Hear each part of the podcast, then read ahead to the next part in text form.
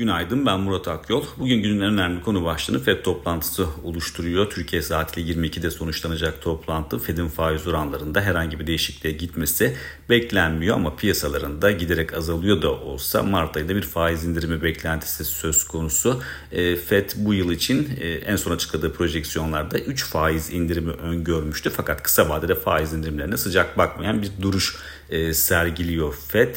Dolayısıyla burada piyasalar gelecek dönemlerde faiz indirimlerinin ne zaman başlayabileceğine yönelik sinyallere odaklanacaktır. Aslında karar metninden ziyade Powell'ın e, Türkiye saati 22.30'da yapacağı konuşmanın çok daha fazla önem taşıdığını e, rahatlıkla söyleyebiliriz. Bu açıdan baktığımızda e, özellikle istihdam aslında Fed'i biraz beklemeye iten en önemli unsur olarak e, öne çıkıyor diyebiliriz. Fakat diğer taraftan ters taraftan baktığımızda ise enflasyonun da aslında piyasa beklentisine kıyasla daha ılımlı bir zeminde hareket ettiğini e, görüyoruz. Bu nedenle faiz indirimlerine aslında kapının tamamen kapalı olduğunu söylemekte güç.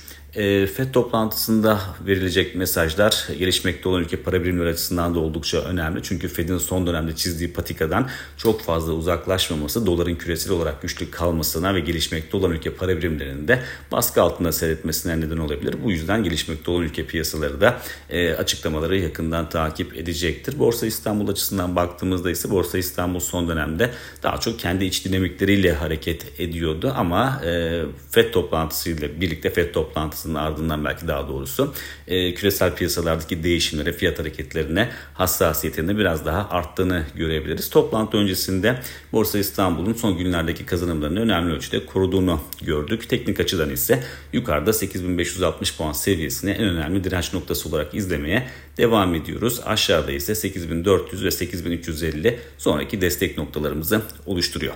Bir sonraki podcast'te görüşmek üzere.